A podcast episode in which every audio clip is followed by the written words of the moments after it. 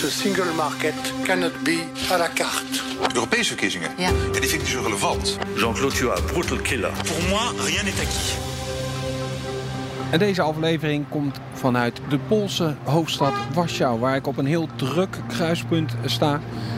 Waarvan ik de naam eigenlijk niet durf uit te spreken. Dat eh, laat ik aan mijn gast over. Dit is uh, Świętokrzyska-straat. Uh, het kruispunt tussen Marszałkowska en Świętokrzyska. Een van de centrale plekken van uh, Warschau. Of misschien moet ik zeggen dat ik eigenlijk de gast bij hem ben. En toch wel elementen die laten zien dat er uh, dingen veranderen. Uh, misschien nog niet op een politiek niveau, maar wel uh, in de maatschappij. En hoe is het dan om in dit land te wonen, te werken zoals de Nederlandse Pool Poolse Nederlander Oscar Kulik doet? Uitgeven van geld is natuurlijk wel wat waarmee je de, de steun van mensen kan kopen. En dat zijn niet discussies over de rechtsstaat. Je wilde hier graag afspreken omdat het in de buurt van een, een, een plein is. Waarom wilde je daar graag naartoe? Uh, omdat het uh, wel wat geschiedenis van mijzelf, maar ook vooral van deze stad laat zien. Wat wel schokkend kan zijn voor mensen uit het buitenland, dat argumenten worden gebruikt waar ik heb er zelf in mijn privéleven nooit last van, maar van uh, wie is nou een echte Pool, laten we zeggen, of ben jij wel een echte Pool? En dat wordt dan ook gebruikt in de Poolse maatschappij. Niet alleen tegen een half Nederlander of een uh, Nederlander, maar ook uh, uh, bijvoorbeeld door meer nationalistische, nationaal gerichte partijen richting meer liberale mensen. Iets wat ik me niet kan voorstellen dat iemand in Nederland een ander persoon, vooral van Nederlandse herkomst, niet Nederlands of on, on-Nederlands zou, zou noemen. Dus je, je voorouders kunnen allemaal Pool zijn, maar omdat jouw gedachtegoed afwijkt van wat zij Of de gedachten van mijn ouders ook, laten we zeggen. Dan, dan, dan, dan, is, dan kan dat al een reden zijn om te zeggen, ben jij wel een echte Pool? Ja, zeker. Of uh, ben ik wel katholiek genoeg, bijvoorbeeld. Ik ga heel eventjes terug naar het begin. Zou je je kort eventjes kunnen voorstellen voor uh, de luisteraars? Hoi, ik heet uh, Oscar. Ik woon hier in Polen sinds ongeveer 20 jaar, 22 jaar zelfs. Ik uh, was in Utrecht geboren. Als, uh, ik heb daar ook als kind gewoond. Alleen de basisschool eigenlijk in Nederland? Uh, eigenlijk groep 3. Daar, daar, daar, komt het goede Nederlands vandaan. Heb je een hele goede basisschool gehad waarschijnlijk? nou, of mijn moeder deed er veel aan dat ik goed Nederlands spreek. Je moeder is Nederlands? Ja, ja mijn vader is Pools en mijn moeder is Nederlands. Zij hebben elkaar in Polen in midden jaren 80 ontmoet. Uh, mijn moeder studeerde regionale geografie. En dat was natuurlijk heel populair om dan naar uh, Oost-Europa te gaan uh, voor een uitwisselingsprogramma. ze was volgens mij de enige of zo. En ja, het, het, kwam uit op Polen waar ze voor een jaar onderzoek heeft gedaan.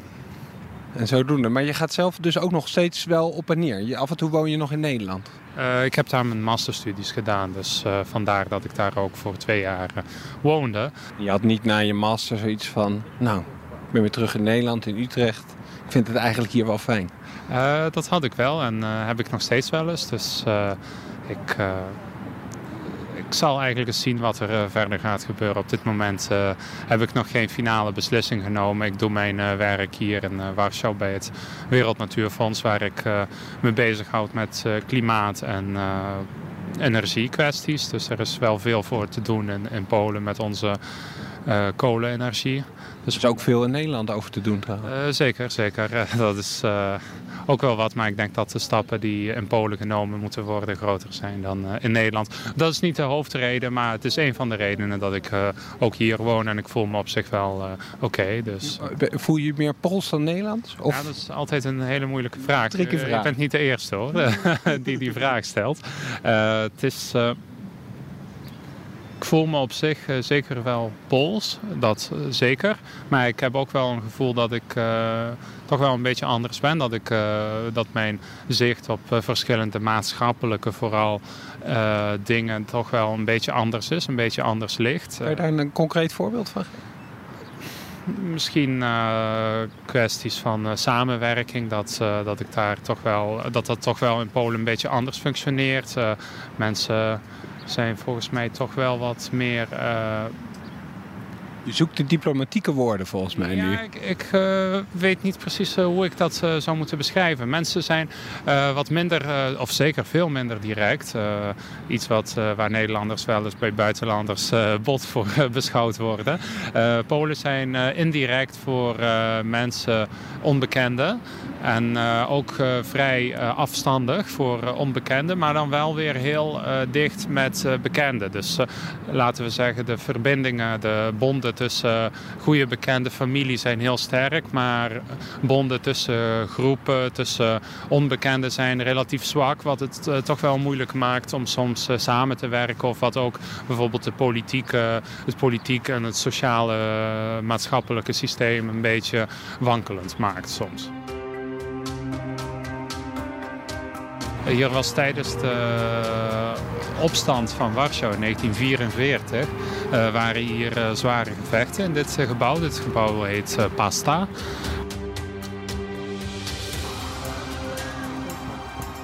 Ik ben aangekomen op, het, op de bestemming, op het plein.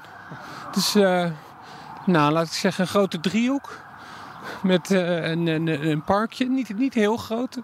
En een, dan ga ik heel, heel simpel zeggen dat het een kerk is. Maar is het, is het een kerk wat daar uh, uh, aan die zijde staat? Ik, ik, zou het misschien niet het plein noemen, maar het is een van de pleinen in de stad. Het is wel het plein waar wij naar op zoek waren. Dat, dat uh, is ook zo. het is het uh, Grzybowski-plein, plaats Grzybowski. En dit was een van de. Dit was eigenlijk een deel van de Joodse wijk eh, voor de oorlog. En ook tijdens de Tweede Wereldoorlog was hier uh, de, uh, het Joodse ghetto. alle gebouwen hieromheen hebben, zijn eigenlijk her, herbouwd na de Tweede Wereldoorlog. En de meeste gebouwen zijn ook helemaal nieuw. En, maar inderdaad, er staat ook wel een katholieke kerk met een figuur van de Poolse paus oh ja, hij staat op de trappen daar. En ik zie volgens mij nog, ja, er staan ook allemaal mooie bloemen bij zijn voeten. Een van de duizenden uh, monumenten van, uh, van de paus. En wat een zin dat, dat hij ooit had gezegd was... Uh, bouw alstublieft geen uh, monumenten uh, met mijn naam erop na mijn dood. Maar dat is, hebben de Polen... helemaal gelukt. Nee, de Polen hebben daar niet naar geluisterd. En de straten en monumenten van, met zijn figuur zijn... kun je overal in Polen wel vinden, van West tot Oost-Polen. Is, is het toeval dat we al een paar keer gerefereerd hebben aan de Tweede Wereldoorlog? Of is dat iets wat nog heel erg, misschien bij jou persoonlijk of misschien uh, is het in de Poolse samenleving leeft? Ik zou zeggen dat het uh, wel een element is wat sterk de stad definieert. Warschau. Warschau ja. vooral op mijn interesse liggen vrij diep in... Uh, in uh, stadsplanologie. Uh, dus vandaar dat, dat die referentie naar de Tweede Wereldoorlog wel essentieel is. Want die heeft eigenlijk de hele uh, stad, uh, ja, uh, het imago van de stad helemaal veranderd. En ook wat daar later na de Tweede Wereldoorlog werd opgebouwd. Het zou een beetje hetzelfde zijn als we nu in het centrum van Rotterdam zouden zijn. En ja, dan zou het ook moeilijk zijn om het niet over, als we het over de het uiterlijk van de stad hebben, zou het moeilijk zijn om, niet, om het niet over de, het bombardement van Rotterdam te hebben. Maar je, je, je, zei dat, je zei dat er ook een, een persoonlijke reden was waarom je naar dit plein wil? Mm, ja, ik vind het uh, wel een, uh, een uh, interessante plek. In die zin dat het toch wel veel ver verschillende elementen van, van deze stad heeft. Wat we hier kunnen vinden. Wat zie jij dan nu? Wat, wat, ik zie is, ik zie gebouwen van verschillende tijdperken in deze, in deze plek. Ja, ik zie hier een flat, zo'n zo gele. Dat, dat, dat, doet mij een beetje denken aan Jaren 60? Jaren 60, begin jaren 70 misschien. Maar ook uh, een uh, kerk uit het eind van de 19e eeuw. Hier stond nog een paar jaar geleden ook een uh, gebouw van de Joodse gemeenschap in Polen. dat die, die lege plek waar ik nu nou, volgens mij een parkeerplaats hier staan daar. Ja, en daar zal uh, in de komende jaren ook waarschijnlijk uh, nieuwe hoogbouw komen. En inderdaad, de hoogbouw is hier ook uh, sterk aanwezig. Iets wat ook in de jaren 90, sinds de jaren 90 flink is opgebouwd hier. Deze stad is echt in aanbouw bijna nog. Hè? Er wordt heel veel gebouwd nog.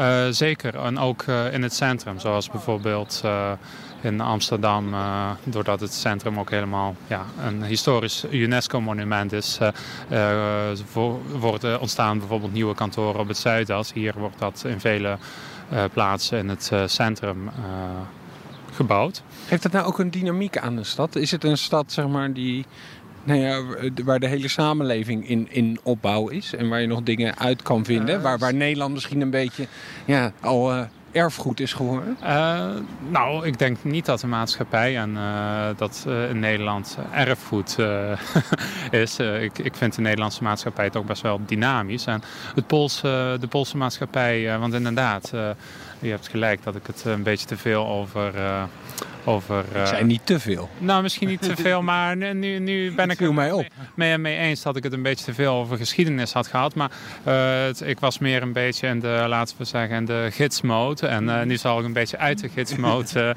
komen en het wat meer over, over nu hebben. En inderdaad, de maatschappij in, in Polen, maar ook in Warschau is best wel dynamisch. het is de grootste stad in het land. Eh, met ongeveer uh, kleine 2 miljoen eh, inwoners. met voorsteden bijna 3 miljoen. En dat maakt dat maakt het ook wel het centrale punt uh, van het land. Uh, Polen is toch relatief sterk gecentraliseerd. Misschien niet zo sterk als bijvoorbeeld Engeland of, uh, of Frankrijk vooral. Maar het is zeker geen, niet zoals in Duitsland of Nederland waar geen stad eigenlijk het belangrijkste rol speelt. Dat is in, in Polen toch best wel sterk te zien. En wat, wat de consequenties daarvan zijn is dat mensen van vooral uit het oosten van het land de armere, maar ook dicht eh, gelegen uh, stukken van uh, Polen. Die komen dan, vooral jonge mensen, die komen voor hun studies vaak naar Warschau.